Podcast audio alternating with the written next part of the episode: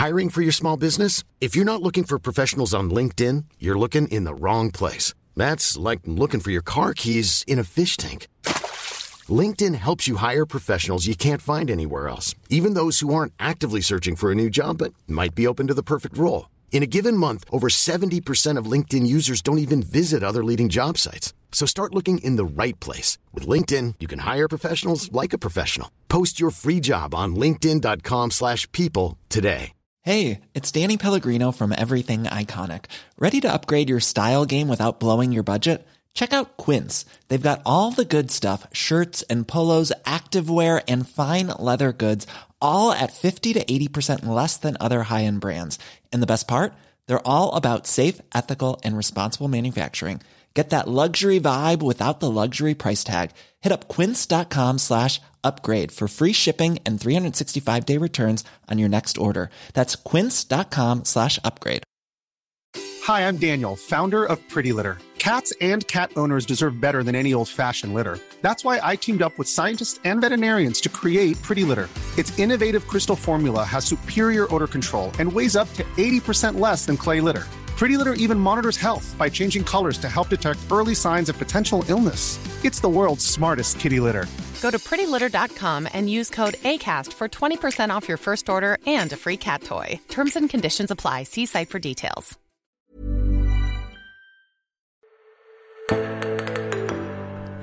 I denne ukens episode av Tore og Tarjei er vi tilbake på kontoret i Bergen, men med et annet klientell enn vanlig. Jeg sitter her, Tarjei Gilje. Tore Hjalmar Sævik han er på reportasjereise på Sunnmøre. Vi kan kanskje kalle det for en kombinert reportasje- og dannelsesreise siden han har med seg eh, barna sine. Men her i studio har vi tre av våre fremragende sommervikarer. Oppmerksomme lyttere husker at vi hadde òg en episode med noen av de på, i andre enden av sommerferien. Nå har vi tre stykker her, og det er Johanne som egentlig heter Veldig Cirka. bra. Det Ja, nydelig. spansk. Litt Mariano i fornorsket utgave. Sant? Miriam Kirkholm sitter her. Og Gerd Våren O. Emmerhoff Sæter har blitt gift siden forrige episode. Gratulerer med det. Dere skal eh, bl.a. snakke om noe som eh, dere har felles med både Tor Hjalmar og meg, og det er at dere har vært bibelskolestudenter. Og det er jo tiden for å begynne med den slags nå i forbindelse med skolestart. Og bibelskolen er jo et ganske interessant skoleslag på den måten at det gir eh, ja, ja, det kan gi kanskje litt ulik eh, cred da, eh, i forskjellige miljøer. Hva har du gjort på i år? Nei, jeg går på bibelskole. Hvordan eh, funker det egentlig? Eh, og det skal dere annet eh, snakke litt om. Og for at ikke jeg skal sitte her som sånn overdommer, så stikker jeg ut døren og overlater mikrofonene til dere.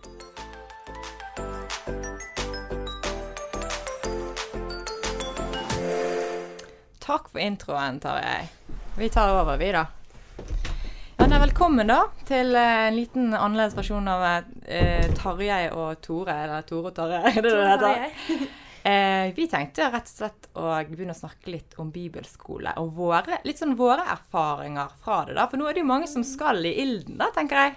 Vi har jo alle gått på forskjellige bibelskoler, litt ulike plasser.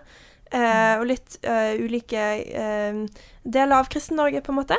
Um, så jeg tenker først kanskje vi kan si bare hva bibelskole vi gikk på. Hva var eh, Hvis det var et fokus eller ei linje eller noe sånt. Og så etterpå kan vi dele litt sånn, litt sånn erfaringer fra det, den tida, da. Eh, vi har sikkert opplevd ganske forskjellige ting og vært på forskjellige plasser. Mm. vil du begynne, Johanne? Absolutt. Jeg gikk da i hine hårde dager, det var da i 2008-2009, eh, på bibelskolen Gå ut-senteret, som på den tiden lå eh, i Hurdal, som var veldig eksotisk for meg, da, men det kan vi kanskje komme tilbake til. Hurdal litt utenfor Gardermoen. Mm. Og det var en eh, bibelskole som hadde fokus på misjon, og også det at vi reiste ut til ulike misjonsland i løpet av året. Vi reiste ut sånn ca. fire og en halv måned. Mm. Miriam? Ja, jeg gikk på Bildøy bibelskole. Der gikk jeg i 2015-2016. Og jeg gikk på disippellinja, som det heter da. Det heter gjerne noe annet nå. Og da hadde vi veldig fokus på det å lære å være disippel, og vi hadde mye praksis med å være på eh, ulike bedehus og eh, stå og ha andakter og være med Eller holde um, aktiviteter for unger. Og vi var blant annet ute og eh, var med på en sånn gateevangelisering, og vi var ute og delte ut litt boller, litt sånn aktivitet, og litt til å være litt sånn aktiv disippel. Og og så gikk jeg et år etterpå på andreårslinja, som heter T2, og lærte, og var stipendiat på skolen. Ja, og jeg gikk på DTS eh, i regi av Ungdom i oppdrag i Ålesund. Fordi jeg tenkte at eh, jeg flytta til Norge det året, tenkte jeg at Ålesund det må jo være en utmerka plass for å lære seg om norsk kultur. Det som skjedde, var at jeg kom til DTS, og så var det ei annen norsk eh, studenter og meg. Så vi var 16 fra ulike plasser i Nord-Amerika og Europa, og så var det oss to norske. Så jeg fikk ikke så veldig masse norsk eh, kultur i løpet av det året, egentlig. Utenom at vi gikk i kirke på søndager og sånn. Men eh, det var utrolig kjekt. Og så gikk jeg på fotolinje, for det var kreativ DTS. Med masse kunstnere og ja, rett og slett et veldig kreativt år. Baristerlinje var der, og, men jeg var i foto. Mm. Du var jo litt inne på det nå, men hvordan var første uken på eh, bibelskolen i DTS i Ålesund? Ja, eh, første veka var masse inntrykk. Eh, med en gang jeg sa ha det til mamma, så brast jeg ut i gråt. Eh, det var trist, mm. og jeg skulle liksom flytte hjemmefra, og eh, jeg husker Ja, det var liksom sånn blanding av spenning, og jeg husker jeg var så nervøs. Men mm. eh, med en gang jeg møtte de andre, så gikk den på en måte nervøse følelsen litt vekk, fordi de var utrolig hyggelige. Og de jeg bodde på rommet, var kjempe eh, Vi ble gode venner da. Mm. Eh, men det var liksom Jeg husker jeg gråt fordi det var trist å si ha det til mammaen min. Og faren min òg, men det var mammaen min jeg sa ha det til sist. men eh, ja. Så Ja. Men jeg husker det var liksom masse Veldig spent og gleder meg, men òg liksom Ja. Det er jo mange sånn nye ting og ny plass og ja. Mm. Kan dere kjenne dere igjen i det, eller hadde dere, mm. var det bare sånn Bare glede seg og ikke nervøs i det hele tatt, liksom? Nei, faktisk når du sier det, at du, at du gråt, altså da, da, fikk jeg nesten en sånn flashback, liksom. Ja, det gjorde jeg òg, mm. faktisk. Mm. Men det, jeg tror nesten jeg har glemt det, eller kanskje fortrengt. Men det var liksom eh, jeg har gått på internatskole på videregående. Så jeg visste litt den der eh, rutinen med at nå kjører mor og far meg ut av skolen og forlater meg liksom på kvelden. Så jeg hadde egentlig vært gjennom dette her før, og jeg var litt sånn Nei, på, på bibelskole, da skal jeg, da skal jeg være, ikke være sånn, da skal jeg ta meg skikkelig i og ikke grine. Men så kommer det allikevel når vi står på gårdstunet der, og mor og far liksom Ja, ja, men da kjører vi, liksom. Så kjenner du at det bare OK. Ha det, da. Så står du og klarer ikke å holde tilbake liksom disse følelsene og tårene bare kommer. Fordi plutselig så står du der alene og helt sånn ukjent, mange nye rundt deg, og der skal du liksom være et år nå alene. Hva skjedde da, eller hva gjorde du da i den situasjonen? Uh, jeg tror jeg, eh, jeg, jeg, lot, jeg tror jeg bare klemte mor og bare skjulte tårene mine masse for alle rundt meg. For jeg ville sånn Nei, jeg skal ikke vise at jeg griner. Men, uh, men det er jo bare bra å få det ut, egentlig. Så Nei da, jeg fikk noe trøst, og jeg fikk eh, meldinger hele kvelden av mor mor fordi ja, Bildøy ligger i Bergen, utenfor, utenfor Bergen, på Sotra. Så da uh, kjørte de hjem igjen til Rogaland, og jeg fikk meldinger hele kvelden sånn 'Går det bra? Ha en fin kveld? Ha en fin natt?' Eller sånn 'God natt?' og sånn. Så jeg ble tatt vare på uh, gjennom meldinger. Så bra. Mm. Ja, det er viktig. Kanskje litt viktig de som nå skal på bibelskole. og at det er liksom åpenhet om at kanskje de første dagene ikke er alltid bare lett. da. Mm. Kanskje man trenger en liten melding. Hvordan går det med deg der borte? Langt borti Ja, for det, jeg bare tenkte jeg skulle spørre, for du, kom, du sa at du kom til Norge. Kan du si hvor du kom fra? Hvordan var liksom, Fikk du kultursjokk ja. samtidig, kanskje? Ja, jeg eh, kom fra Sentral-Asia. Der hadde jeg bodd fra jeg var veldig liten, og så flytta vi til Norge um, det året jeg skulle begynne på bibelskole, da. Um, så det var en del kultursjokk. Samtidig så var jo uh, den, dette DTS-miljøet veldig internasjonalt, og det var noe jeg var vant til.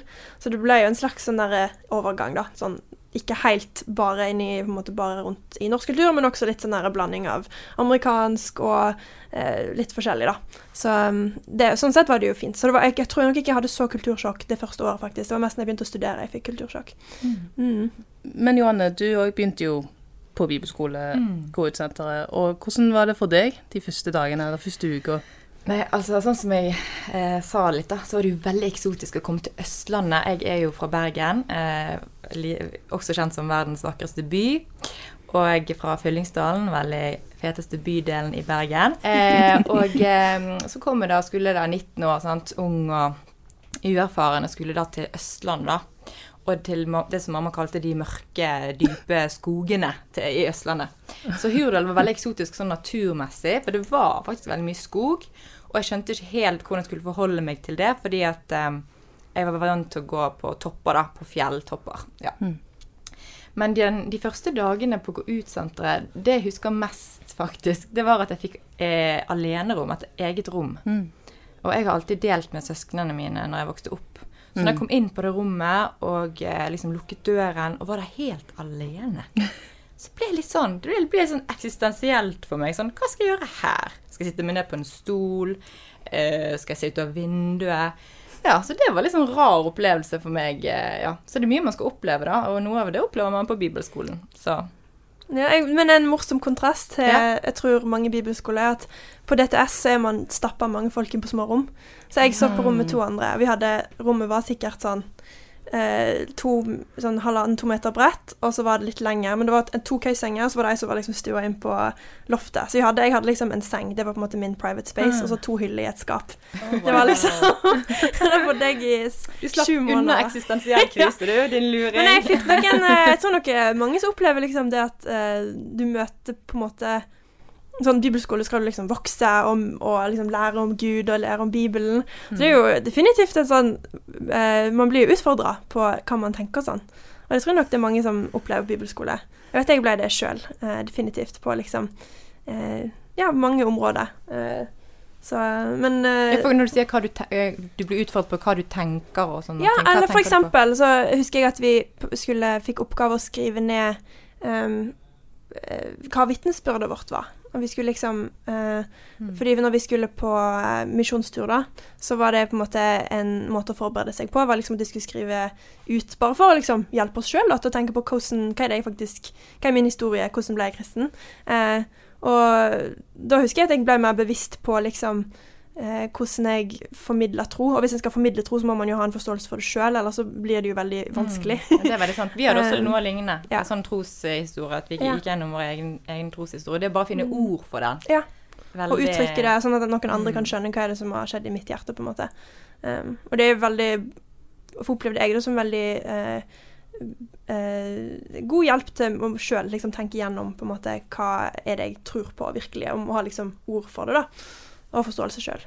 Jeg bare tenker på eh, litt tilbake igjen til at du delte rom med så mange, og hadde da to huller og en seng, ikke sånn, Eh, og ble utfordret på hva du tenker om folk. Og det er jo sånn, Jeg òg hadde enkeltrom, så jeg hadde heller ingen å eh, forholde meg til på den måten. Og det, det å bli utfordret på hva du tenker om folk Altså Det eneste utfordringen jeg hadde, var jo at vi hadde jo en felles kjøkken på internatet.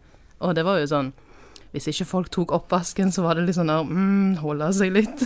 så, så, så i så fall hadde du, du gjennom hele året litt mer utfordringer med folk konstant rundt deg. Ja, jeg var sånn er på sånn- stua. Men jeg, sånn, I Ålesund var det greit nok, men når vi var i Japan, så så vi seks jenter på et bitte lite rom. I, det var jo på i to måneder i Japan. Da, da var det trange Wow. kår. Ja. Men jeg, etter jeg var der, så bare sånn all, all sånn space en har i et rom, setter jeg så pris på. Fordi Mm. sånn, nå når jeg bor i leilighet for å gifte meg, så har vi så sjukt masse plass. Det er sånn 60 kvadratmeter. Det er jo sånn Oi. svært, liksom, føles det som. Du vil jo rundt og bare Å, jeg elsker alle dette Kan rommet. bevege meg. Jeg kan strekke ut armene. Åh. Så jeg får sånn, setter pris på eh, å ha plass. Ja. Det er en stor er forskjell mellom Norge og Japan. I Japan har du veldig lite plass, men Mm. her er det masse områder å bevege seg på. Når reiste du til Japan? Det var en del av bibelskolen. Vi var der i to måneder på outreach, eller misjonstur. Og så Apropos eh, bibelskoleår og første ukene, første dagene, så har jo eh, I dagen har vi nettopp skrevet en sak om eh, folk som skal begynne på bibelskole, og hva de eh, bl.a. pakker med seg. Så jeg tenkte det hadde vært litt morsomt å snakke om mellom oss. Hva var det du, Gerd Våren, tok med deg på bibelskolen? Og hva, ja, hva var det det rareste eller det mest praktiske du pakker med deg? Jeg tror eh, den tingen som jeg satte mest pris på, som kanskje ikke hadde så masse nytteverdi, var at jeg hadde med meg en bamse som jeg hadde på soverommet mitt i Sentral-Asia. Den hadde jeg med en bibelskole, for det var sånn der en påminnelse av hjemme. Så det var veldig sånn trygt. Eh, men kanskje en nyttig ting som jeg hadde med meg, eh, var at jeg hadde sånn der toalettvæske som liksom hang på en krok. Så det var veldig lett å liksom bare forflytte alt fram og tilbake. Fordi når du deler bad med Jeg delte bad med fem, nei, 16 jenter, så blir det jo veldig sjukt masse ting, og jenter har så ekstremt masse toalettsaker. Så da var det liksom det å finne sånne praktiske løsninger. Eh, men sånn nytteløs ting som jeg hadde med meg til Japan, var Jeg hadde med meg skateboard. Det var helt poengløst, for i Japan så eh, Skating er ikke ulovlig, men folk ser veldig ned på deg fordi det er litt plagsomt. Og der gjør du ikke ting som er plagsomt for andre. Så jeg fikk ikke brukt det så veldig masse, og det var veldig tungt. Så ja, det var nok kanskje det mest eh, sånn uh, ubrukelige tingen jeg hadde med meg på bibelskolen. Strenge folk i Japan, da. Ja. Ja, altså Det eneste jeg husker som jeg tok med, som jeg brukte veldig mye, det var en sånn grønn joggebukse som jeg gikk og vanket i hele tiden. Og ble liksom kjent for den joggebuksen, da. For jeg hadde en sånn periode, sånn stilmessig, da. eh, I ungdomstiden der jeg gikk mye med joggeklær, joggebukse, gjerne Umbro, da, i fare for å Ja. brande litt her, da. Men, eh, så den husker jeg jo, den er med på mange bilder også, da, fra bibelskolen. Så um, Var det flere som plukka opp på denne joggedresstrenden mens du var Nei, der? det var ikke det. Altså, Det var før sånn uh, leisure wear og uh, liksom Ja, sånne kosebukser som er i vinden nå, da. Jeg ser for meg en sånn skikkelig sterk grønnfarge, sånn lime, sånn skikkelig sånn oh, ja, eh, ja, lysende grønn som bare lyste opp når du kom inn i rommet. Altså, det var faktisk ikke lime, da. Den fargen hadde ikke trendet enda, men det var mer sånn mosegrønn, men ganske sånn intens mosegrønn. da. Så faktisk jeg at den trender nå til høsten, bare for å si det sånn. Å, da Så kommer det- du tilbake med den ja, sterkt. ja, og jeg var jo ganske tidlig ute, vil jeg si, da. Med å sette den trenden. Eh, så den husker jeg. Og så hadde jeg med meg veldig lite til bibelskolen. Jeg, var, jeg er sånn minimalist. Eh, kanskje det er derfor jeg gikk med den joggebuksen hele tiden, da. Du hadde ikke noe annet. Nei, men Nei, eh, en ting som jeg husker som var litt fremmed for meg Jeg er jo oppvokst i store deler av min barndom i blokk. Så begynte vi å brenne bål på kvelden og sånt. Og dette var jo ikke jeg vant til. Dette var jo ganske sånn eh, jeg ikke hva, urmessig for meg. Sånn at eh, da ble jo alle klærne Altså, det å ha noen bålklær, det skulle jeg gjerne hatt. For de begynner jo å lukte bål hvis du har sittet der og hengt rundt det der bålet. Så ja, litt tips fra meg til deg som hører på. Ta med deg bålklær hvis du går på en sånn rar skole som skal begynne å lage bål om kveldene. Det gjorde vi òg faktisk, hadde bålkvelder, og da skulle jeg ønske jeg hadde mer bålklær.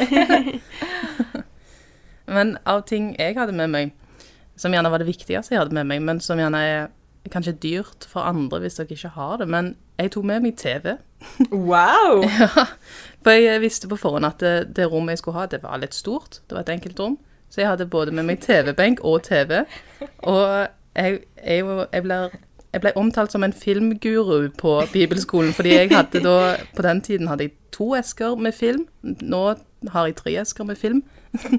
Og da var det liksom det som var målet mitt det året, det var å samle mange på rommet mitt og se film på Så det var rett og det var slett koselig sosialt. Det var, du var, ditt rom var filmrommet. Ja, det var filmrommet. Det var der det Men det er jo en veldig god måte å bli kjent med folk, da. Det å Ja, invitere det dem inn på rommet ditt inch. på besøk og se film. Det høres veldig koselig ut. Absolutt. Når jeg ser de verdivalgene som vil møte dere framover, så er jeg helt overbevist om at vi trenger et sterkt KrF. For det er jo bare KrF som virkelig tar kampen for familiene sin valgfrihet. De kristne røttene som landet bygger på, og som vil hindre venstresidas radikale abortliberaliseringer. Så etter høstens stortingsvalg så trenger vi et KrF som er stort nok til å kunne ta de kampene. Men eh, en ting som jeg tror kjennetegner mange sin bibelskole, og kanskje en grunn for at man går på bibelskole, er det at de har lyst til å reise på tur. Eh, var dere på noen turer på, under bibelskoleoppholdet? Ja, det var vi. Vi var på en felles skoletur til Israel om høsten, og så var vi hadde alle egne linjetur, linjeturer, og vi på Disippel reiste til Sør-Afrika. Og så var vi en tur òg i Finnmark. Så det ble litt tur. Det ble litt reising. Du da, Johanne? Ja, jeg dro til Mali i fire og en halv måned i Vest-Afrika. Og så andre grupper eh, eh, på bibelskolen der gikk de reiste f.eks. til land i Sør-Amerika, til Israel og til eh, land i Asia.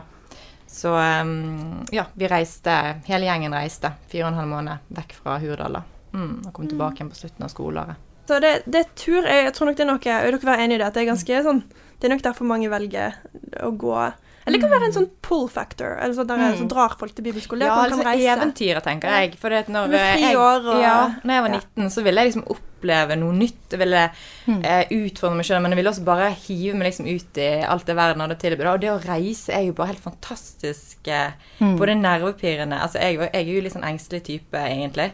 Men eh, reising og eh, Gjerne til et land jeg aldri hadde vært i.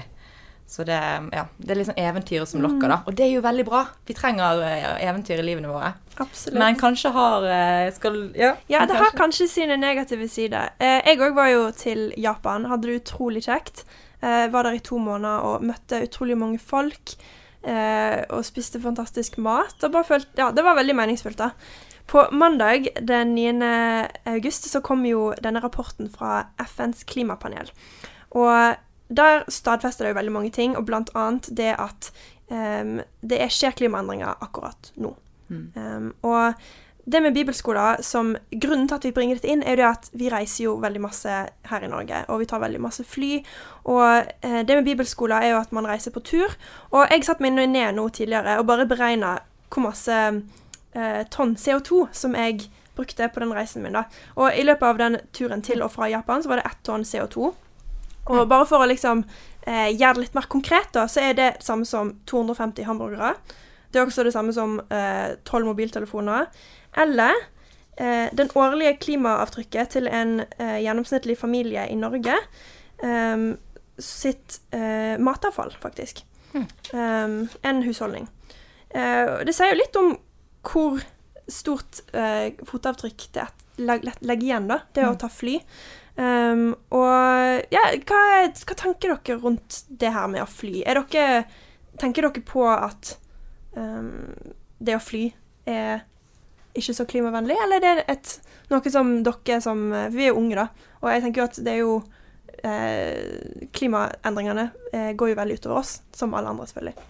Dette er jo et veldig stort tema. Jeg ville, jeg ville faktisk bare si eh, Bare bet meg merke noe du sa at eh, den rapporten denne rapporten stadfester at klimaendringer skjer nå. Eh, og eh, når jeg leste den i går, så tror jeg kanskje at sånn som jeg tolket den rapporten, så er det kanskje i større grad at de, de finner sterkere og sterkere bevis for at Først og fremst for at eh, menneskelig påvirkning på klimaet eh, skaper ekstremvær.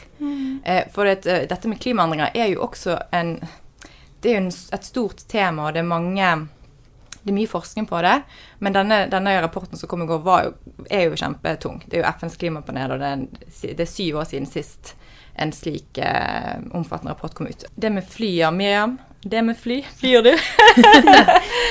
Eh, ja, det er veldig Det er jo vilt å få det i perspektiv, sånn som du presenterer det, med, med andre ting. Med fly, at det, at det ikke er så klimavennlig gjerne som man skulle ha trodd. Som gjerne jeg kan innrømme har tenkt at ja, det er gjerne ikke det verste i forhold til bil og i forhold til andre transportmidler. Så jeg tenkte liksom ja, fly må jo være bedre fordi det går litt fortere. Men eh, Ja, Men- ja. men det sier jo bare litt om kanskje at jeg ikke har så mye kunnskap om hvor mye eh, CO2-utslipp alt av eh, transportmidler gir fra seg. Men sånn generelt med fly, personlig, så liker jeg ikke å fly. Ja. Jeg, eh, hver gang vi skulle reise på en ny tur på bibelskolen, så måtte jeg da en psyke meg opp en dag liksom at nå skal vi ut og fly. Legge alt klart liksom av headset og eh, Ja, ikke at jeg har Ja. Har du litt flyskrekk? Litt flyskrekk, ja, jeg har det. Mm. Litt eh, både når vi skal opp og når vi skal ned. Da Ja. sitter jeg og tviholder i setet. Mm. Ja. Nei, men jeg syns jo det er liksom Det er jo interessant. Og Dagen hadde jo en sånn stor undersøkelse på Kristen-Norge på um, Litt sånn de sammenligna ulike kirkesamfunn, da. Og hvem er det som er mest på en måte bekymra for Mm. For uh, klima. Um, og det den undersøkelsen viste jo det, var at um, sånn generelt, og det her det har jo på en måte eh, det er jo sånn, det er en, De spurte en viss gruppe mennesker, og så fant de ut at um, Den norske kirke er nok den som er størst uh, i størst grad um, tenker at vi står overfor menneskeskapte klimaendringer. Og så ser du at pinsebevegelsen er en, en del de som tenker at i svært høy grad er bekymra for det, er ned på 12% mens i Norsk kirke så er det 49 Det er ganske store forskjeller. Um, eh, Norsk Luthers Misjonssamband er jo på 26% tenker det, og eh, Nordmisjon på 35 Så det er liksom eh, Det er litt forskjeller her, da, på eh, Ja, hvor, hvor eh, mye man tror at eh, menneske, mennesket står overfor menneskeskapte klimaendringer. Um, har dere noen umiddelbare tanker om det? Føler dere at de rundt dere er bekymra for det, eller i det kristne miljøet dere er i? I det kristne miljøet så um, opplever jeg at mange er, som jeg er i, knyttet tilknyttet, så opplever jeg at uh, mange er bekymret, men jeg opplever nok uh, at storsamfunnet, hvis man kan si det sånn, er uh, mer bekymret. Eh, det er min eh, første Mm. jeg, jeg må si personlig så kan jeg bli litt lei av at det blir snakket så mye om klima. Det er jo, det er jo eh, Jeg er jo kjempeglad i, eh, i kloden vår og naturen, men det har vært veldig mye. Så jeg merker av at jeg kan bli litt sånn eh, eh, Det blir veldig mye informasjon. Jeg kan bli litt overveldet, rett og slett. Eh, ja. Men, men jeg bare tenkte på det du sa med fly, så har jo fly vært ganske lenge Det er jo en av de største CO2-skurkene, holdt jeg på å si. Ja, det er ikke sant, ja. Det, det ja, skulle- jeg tenkte burde jeg ha skulle visst ikke- år skulle siden. Si det, Miriam, men ja, det har vært eh, eh, ganske Her så det var litt av mine kunnskaper. Jeg, jeg visste at det var dårlig, men ja, men det eh, Men det er iallfall uh, fly eh, er det. Men eh, Og da kommer vi liksom litt inn på dette eh, Det er ganske nå tyngre og tyngre eh, bevis, kan man kanskje kalle det for, eller jo støtte på at eh, vi påvirker klimaet på en ganske negativ måte. Eh, og eh, så er spørsmålet da er vi villige til å ofre noe på levestandarden vår, f.eks. når det gjelder fly. Og der, er- der er det jo veldig Der blir det jo på en måte indiv, de individuelle behovene satt opp mot noe større. Og jeg tenker at det har vært veldig viktig at vi har snakket om dette med tvilen, eller spørsmål rundt om eh, de eh, klimaendringene kan knyttes eh, fullt og helt til menneskepåvirkning. For det, det er jo en del av hele greien. Men samtidig så er Sånn som med FNs rapport i går, så er, jo, så er det større og tyngre og tyngre bevis for at dette stemmer. Og vi ser jo det sjøl med Jeg merker jo personlig at når det kommer ser jo at det er mer ekstremvær rundt om på, eh, på kloden. Eh, Men ja, når det gjelder dette med levestandard, så er jo det et veldig godt spørsmål. For der virker det som mange av oss er litt treige med å vi har, Jeg har jo f.eks. veldig lyst til å reise, det må jeg innrømme, i framtiden også.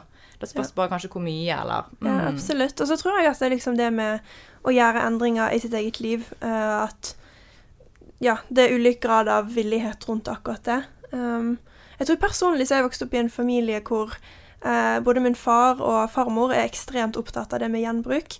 Og jeg var alltid på en måte, Vi kjøpte alltid mesteparten av klærne våre brukt, og eh, pappa er en mester i å fikse ting. Så jeg, måte, akkurat det er noe som jeg har jeg tror fått med meg fra oppveksten. Um, som sannsynligvis er en bonus. For det er ikke alle så, liksom, Måten man er på en måte eh, lærer i familien, da, det er jo ekstremt stor påvirkning på, påvirkning på hvordan en velger å leve livet sitt sjøl. Um, så sånn, nå når jeg har flytta inn i en ny leilighet, så har jeg kjøpt det meste sånn alle møbler, så jeg har kjøpt det meste brukt. Men det er jo kanskje litt sånn det jo, Man trenger en sånn drive til å få lyst til å gjøre det, fordi det krever jo eh, innsats. Um, det er lettere å gå på Ikea og bare kjøpe alt nytt, men hvis jeg tenker sånn langsiktig, så er det jo mer, uh, mye mer bærekraftig at jeg bruker om igjen noe som allerede eksisterer i verden, istedenfor å skape et behov for noe nytt. liksom.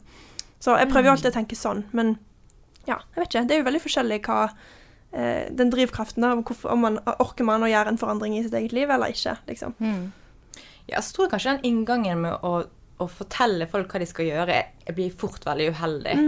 ja. Eh, og eh, jeg har en, faktisk en venninne som forsker på eh, ja, noe med klima. Eh, og eh, hun har sagt at eh, Sånn som jeg mener hun har sagt at dette med på en måte At akkurat det er kanskje ikke så effektivt, da. Men at Så da er spørsmålet eh, hva er effektivt? Og jeg tror faktisk hun nevnte dette med eh, klima eh, klimakvoter og dette med poli, på politisk nivå. Eh, at eh, eh, Fordi at eh, Ja.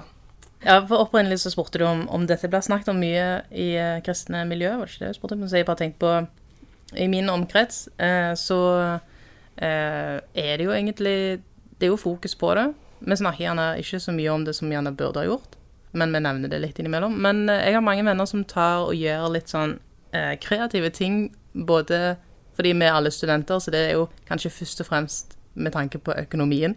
Men det blir òg veldig klimavennlig når man ser på det òg. Det er blant annet Jeg har venner som er veldig glad i å sy egne klær og strikke. eh, klær. Så det er jo noe de gjør litt bevisst for at de både skal spare penger, og fordi at da slipper de å gå og kjøpe klær i butikker da, som òg tar og blir transportert rundt i verden og lagd av forskjellige stoffer. Og, men øh, med mat er de òg veldig bevisst øh, på lage ikke for mye Eller passe på at det er rester, at det ikke blir sånn uh, food waste. Uh, og det er jo masse sånne tiltak som er for studenter. Det er eksempel eh, Det finnes noe som heter Bruktbua, som er, gjennom, ja, som er litt for studenter. Så der kommer du og leverer en ting, tar en ting.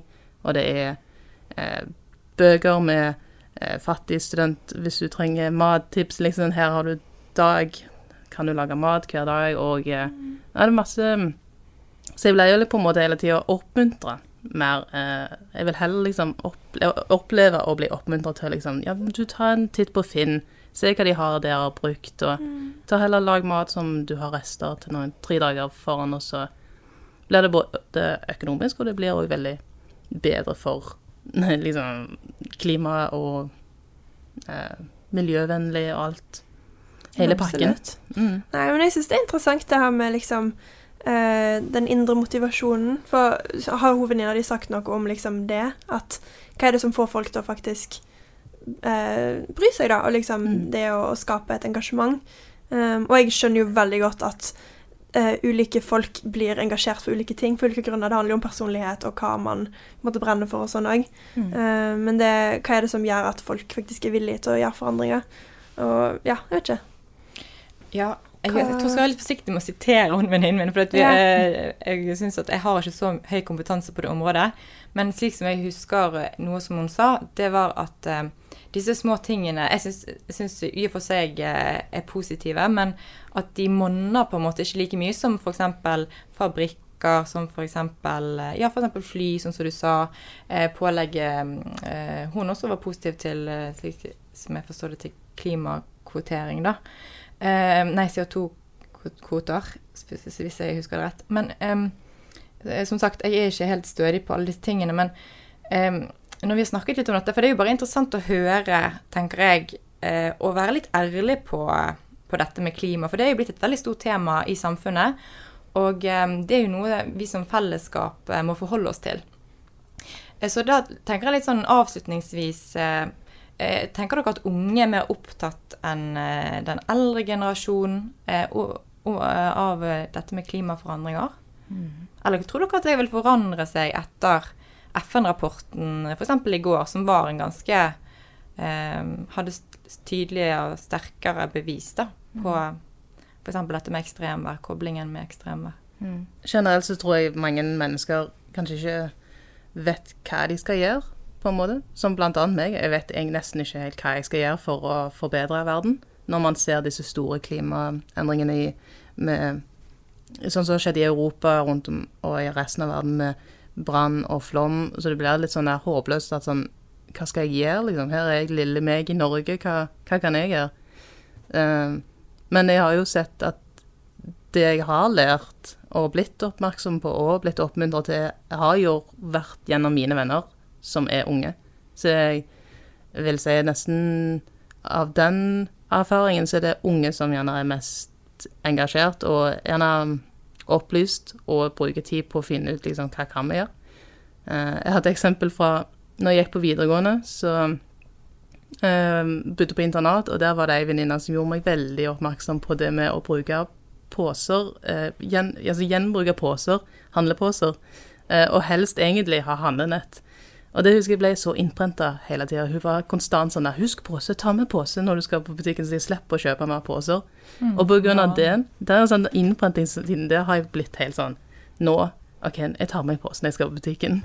Så av det, liksom. Så, og det er på en måte fra mange år siden jeg gikk på videregående, så da var det jo òg unge liksom rundt meg som var bevisst på det. Mer enn eldre, vil jeg si. Ja. Min del. Nei, men det er nok veldig Jeg tror nok det stemmer til Det er mange som opplever at det er de rundt den som Det er jo de rundt den som former en på mange måter. Um, jeg òg har uh, ja, mange venner som er veldig bevisst på forbruk og det med gjenbruk og sånn. Uh, men òg mine besteforeldre har vært veldig, veldig på det der med resirkulering og eh, kildesortering og sånn. Um, så jeg syns absolutt at eh, Ja. Det, ja, men det er jo litt sånn forskjellig sikkert Ja, hva miljø man er i. sånn. Det er veldig forskjellig ulike miljøer, tror jeg, hvor opptatt man er av det. Um, og ja. Så jeg Men jeg tror nok at det Jeg tror det er folk i alle generasjoner som har blitt påvirka av det, men at kanskje uh, en, en ting som er unikt med unge, da, er jo det at unge kommer til å leve lenger enn de som er 70 år i dag. Og det er de som kommer til å oppleve litt andre ting kanskje enn de som er gamle nå, på en måte. Um, Så det er det at det er ulike generasjoner. Um, men så er det jo det med at i Norge så kan vi påvirke eh, sånn både politisk gjennom at man ikke har så masse olje og gass, mens også i forbruk, for nordmenn har sjukt høyt forbruk. Eh. Så jeg tror, jeg tror nok absolutt at enkeltpersoner har en påvirkning. Og jeg er jo veldig optimistisk da, for at vi, hver person har en påvirkning på Fordi vi er en person i en stor gruppe, så tror jeg fortsatt de enkeltpersonene har en påvirkning. Men um, ja. Jeg syns det var en fin avslutning på, på dagens eh, avsnitt av Tore og Tarjei. Er jo Som vi i dag kan kalle for Miriam Johanne og Gerd Vårin. det, blir siste ord. Snakkes.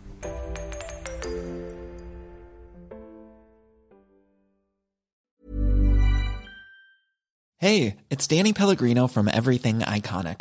Ready to upgrade your style game without blowing your budget? Check out Quince. They've got all the good stuff shirts and polos, activewear, and fine leather goods, all at 50 to 80% less than other high end brands. And the best part? They're all about safe, ethical, and responsible manufacturing.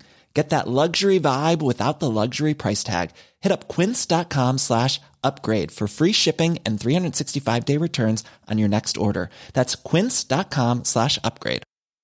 Hi, I'm Daniel, founder of Pretty Litter. Did you know cats tend to hide symptoms of sickness and pain? I learned this the hard way after losing my cat, Gingy. So I created Pretty Litter, a health monitoring litter that helps detect early signs of illness by changing colors, saving you money and potentially your cat's life. Pretty Litter is veterinarian developed, and it's the easiest way to keep tabs on your fur baby's health right at home. Go to prettylitter.com and use code ACAST for 20% off your first order and a free cat toy. Terms and conditions apply. See site for details.